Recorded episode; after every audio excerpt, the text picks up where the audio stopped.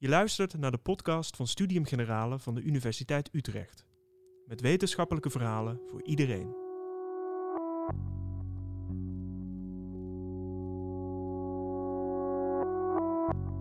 We voeden een hoop monden met onze intensieve landbouw. Maar het wordt steeds duidelijker hoe zwaar de natuur hieronder lijdt.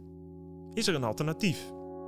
Pieter Verwij, ecoloog aan de Universiteit Utrecht, doet onderzoek naar voedselbossen. Met eetbare planten en struiken en bomen waar vruchten aan groeien. Wat leren deze bossen ons over duurzaam landgebruik? Een hele goede avond allemaal. Er hangt hier een hele goede vibe. En ik vind het eigenlijk heel vervelend dat ik die goede vibe direct al moet gaan verstoren. Want, om maar direct met de deur eh, in huis te vallen, het gaat niet goed met planeet Aarde. En het gaat niet goed met onze biodiversiteit. We zien hier in beeld een grafiekje van de zogenaamde Living Planet Index. Uh, dat is een uh, index die aangeeft uh, hoe het met duizenden dierpopulaties in de wereld gesteld is. En dan door de tijd heen. Van 1970 tot 2016 zien we een algehele afname van 68 procent. Dat is een indrukwekkend getal als je nagaat dat meer dan 21.000 dierpopulaties worden gemonitord in deze index. En het gaat om meer dan 4700 soorten. Terrestries, dus levend op het land, marien, zoetwatersoorten, die worden allemaal door de tijd heen gevolgd. En ik vind persoonlijk 68% afname van die populaties toch wel heel dramatisch. En wij doen daar ook aan mee. Wij zijn daar mede debet aan. Waarom? Uh, omdat landbouwgrond uh, breidt uit, met name in de tropen zie je dat dat ten koste gaat van natuurlijk bos. Uh, het bovenste plaatje geeft aan een flink aantal satellietbeelden, 117, die door een aantal auteurs zijn bestudeerd. En op basis van deze studie concludeerden zij, het grootste deel van de uitbreiding van landbouwgrond gaat ten koste van tropisch bos. Of dat nu intact bos is of secundair bos, al aangetast bos. In elk geval, daar vind je de grootste uitbreiding. En dat zien we dan ook in dit grafiekje. Lichtgroen en donkergroen is de uitbreiding van landbouwgrond ten koste van bos. Ik heb zelf twee jaar in de Braziliaanse Amazone gewoond en gewerkt. Uh, in de deelstaat Rondonia. En die deelstaat was er berucht om dat daar in hoog tempo werd ontbost. En heel vaak is infrastructuur daar de voorloper van. Dus de allereerste snede door dat bos is vaak heel bepalend. Want uh, loodrecht op zo'n weg vind je dan weer nieuwe uitbreiding, uh, weer een nieuwe weg. En zo krijg je een heel netwerk van wegen wat zich een weg vreet de jungle in. En landbouw uh, volgt dan. In die deelstaat Rondonia kon ik vaak geen hand voor ogen zien in de droge tijd. Waarom was dat? Omdat daar tal van bosbranden waren. En dat waren geen natuurlijke bosbranden, maar boeren zetten de vegetatie in brand om weer nieuwe gebieden te ontsluiten voor landbouw. Boven Borneo, Indonesië, zien we ook vaak heel veel rookontwikkeling. We zien hier een satellietbeeld uit 2015. En je ziet witte rookwolkjes en je ziet aaneengesloten wolkendek of rookdek in feite. En heel veel minieme rode puntjes. Alle rode puntjes duiden bosbranden aan. dus uh, in het zuidoosten van Borneo in het jaar 2015 schrikbarend veel bosbranden. En waarom is dat? Uh, dat heeft te maken in dit geval met expansie van oliepalmplantages. Uh, jullie hebben er ongetwijfeld over gehoord in het nieuws. Er is natuurlijk altijd veel over de orang-oetan te doen. Maar ik kan jullie verzekeren, heel veel andere biodiversiteit in het tropisch bos staat daarmee natuurlijk ook op het spel.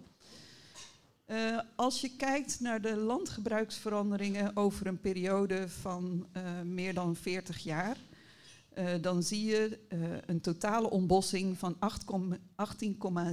miljoen hectare bos.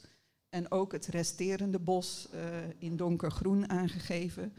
Ongeveer de helft van die 18,7 miljoen hectare bos heeft plaatsgemaakt voor oliepalmplantages. Natuurlijk is dat niet de enige schuldige, niet de enige factor. Er zijn ook uh, pulpplantages die hebben uitgebreid. Maar het meeste van de ontbossing heeft toch echt te maken met ehm, de uitbreiding van plantages van in dit geval vooral oliepalm. Dat betekent dat wij ook een bepaalde verantwoordelijkheid hebben natuurlijk als consument. Vijftig jaar geleden hadden we nog al die oliepalmproducten niet. Als je nu in de supermarkt oliepalmproducten wil vermijden, dan wens ik je heel veel succes. Want uh, ongeveer de helft van de verpakte producten bevat ingrediënten van oliepalm. Dus dat is haast niet te vermijden. We zien allerlei uh, verschuivingen in ons dieet die maken dat wij een grote verantwoordelijkheid hebben voor wat er in de tropen aan de gang is. Um, dit is een voorbeeld van uh, de teelt van koffie. En, um, oh sorry, uh, van, uh, van cacao. En wij consumeren natuurlijk ook heel veel chocola hier in het Westen. cacaoboeren in tropische landen zoals Ghana en Ivoorkust kennen vaak de smaak van cacao helemaal niet. Kennen de smaak van chocola niet. Dat wordt allemaal naar landen als dat van ons geëxporteerd. Dat betekent uh, op basis van zo'n hele waardeketen, van de grond waar iets wordt geteeld tot aan ons bord, hebben wij ook een impact met wat wij eten, drinken en verder nog consumeren.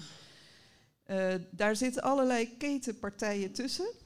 Maar dat neemt niet weg dat wij uh, met onze portemonnee en met ons hele consumptiepatroon natuurlijk ook een belangrijke stem hebben. En dat wij invloed uitoefenen op wat er daar ter plekke gebeurt. Wat kun je nu doen uh, om je um, impact in landen daar uh, te verminderen? dat is natuurlijk voor ons vaak een ver van ons bed show.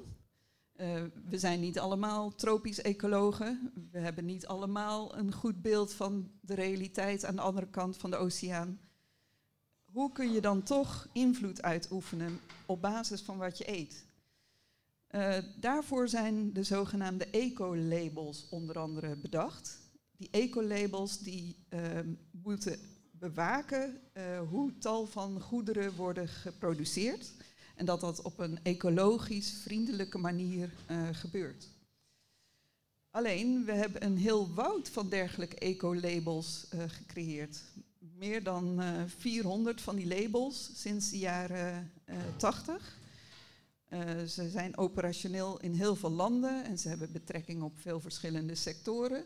En hoe kun je nu in dat woud van eco-labels in, in vredesnaam de weg vinden als consument in de supermarkt? Um, vaak weten we helemaal niet waar die labels nu precies voor staan.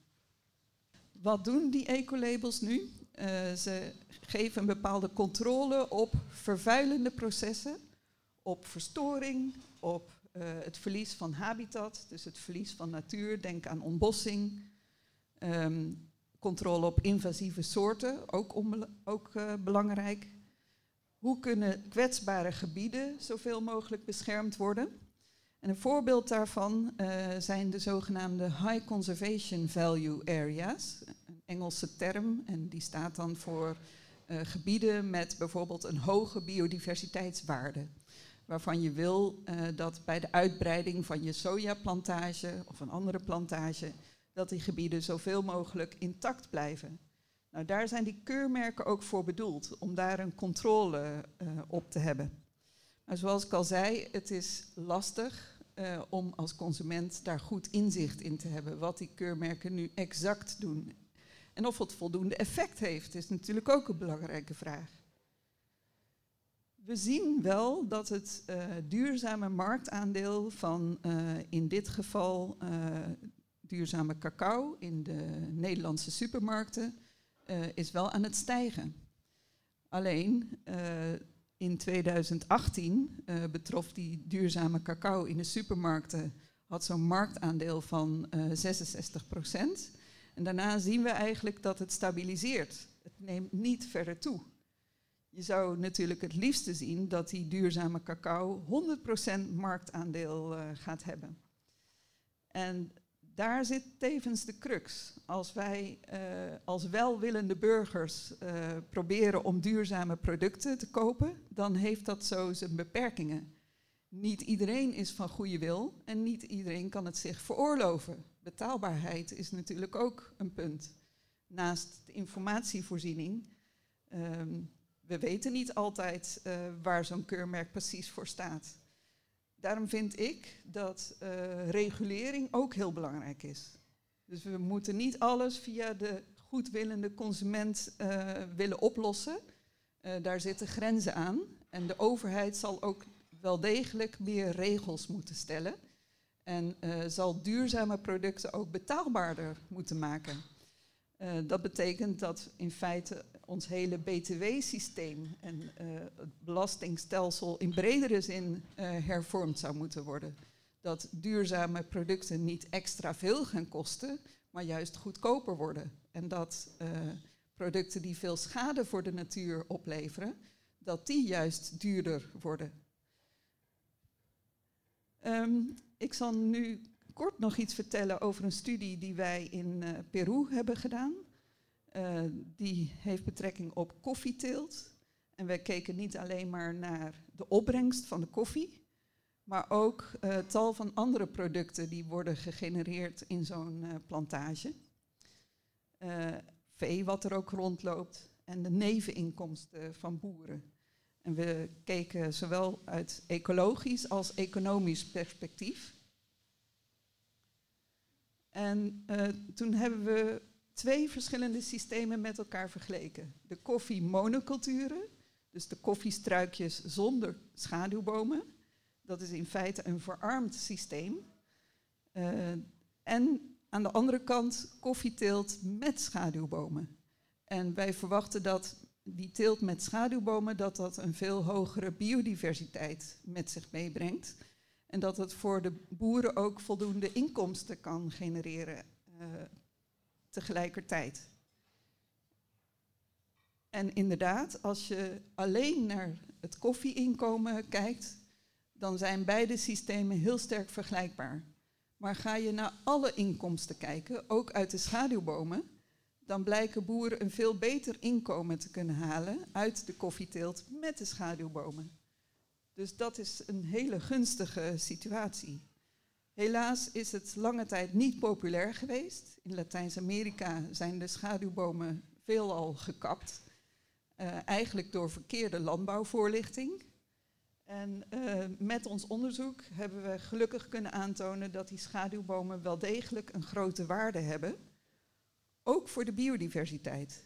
Wij keken naar vlinders en uh, we zagen dat um, de waarde van uh, de koffieplantage met de uh, schaduwbomen, dat dat ongeveer op de helft zit van het natuurlijke bos.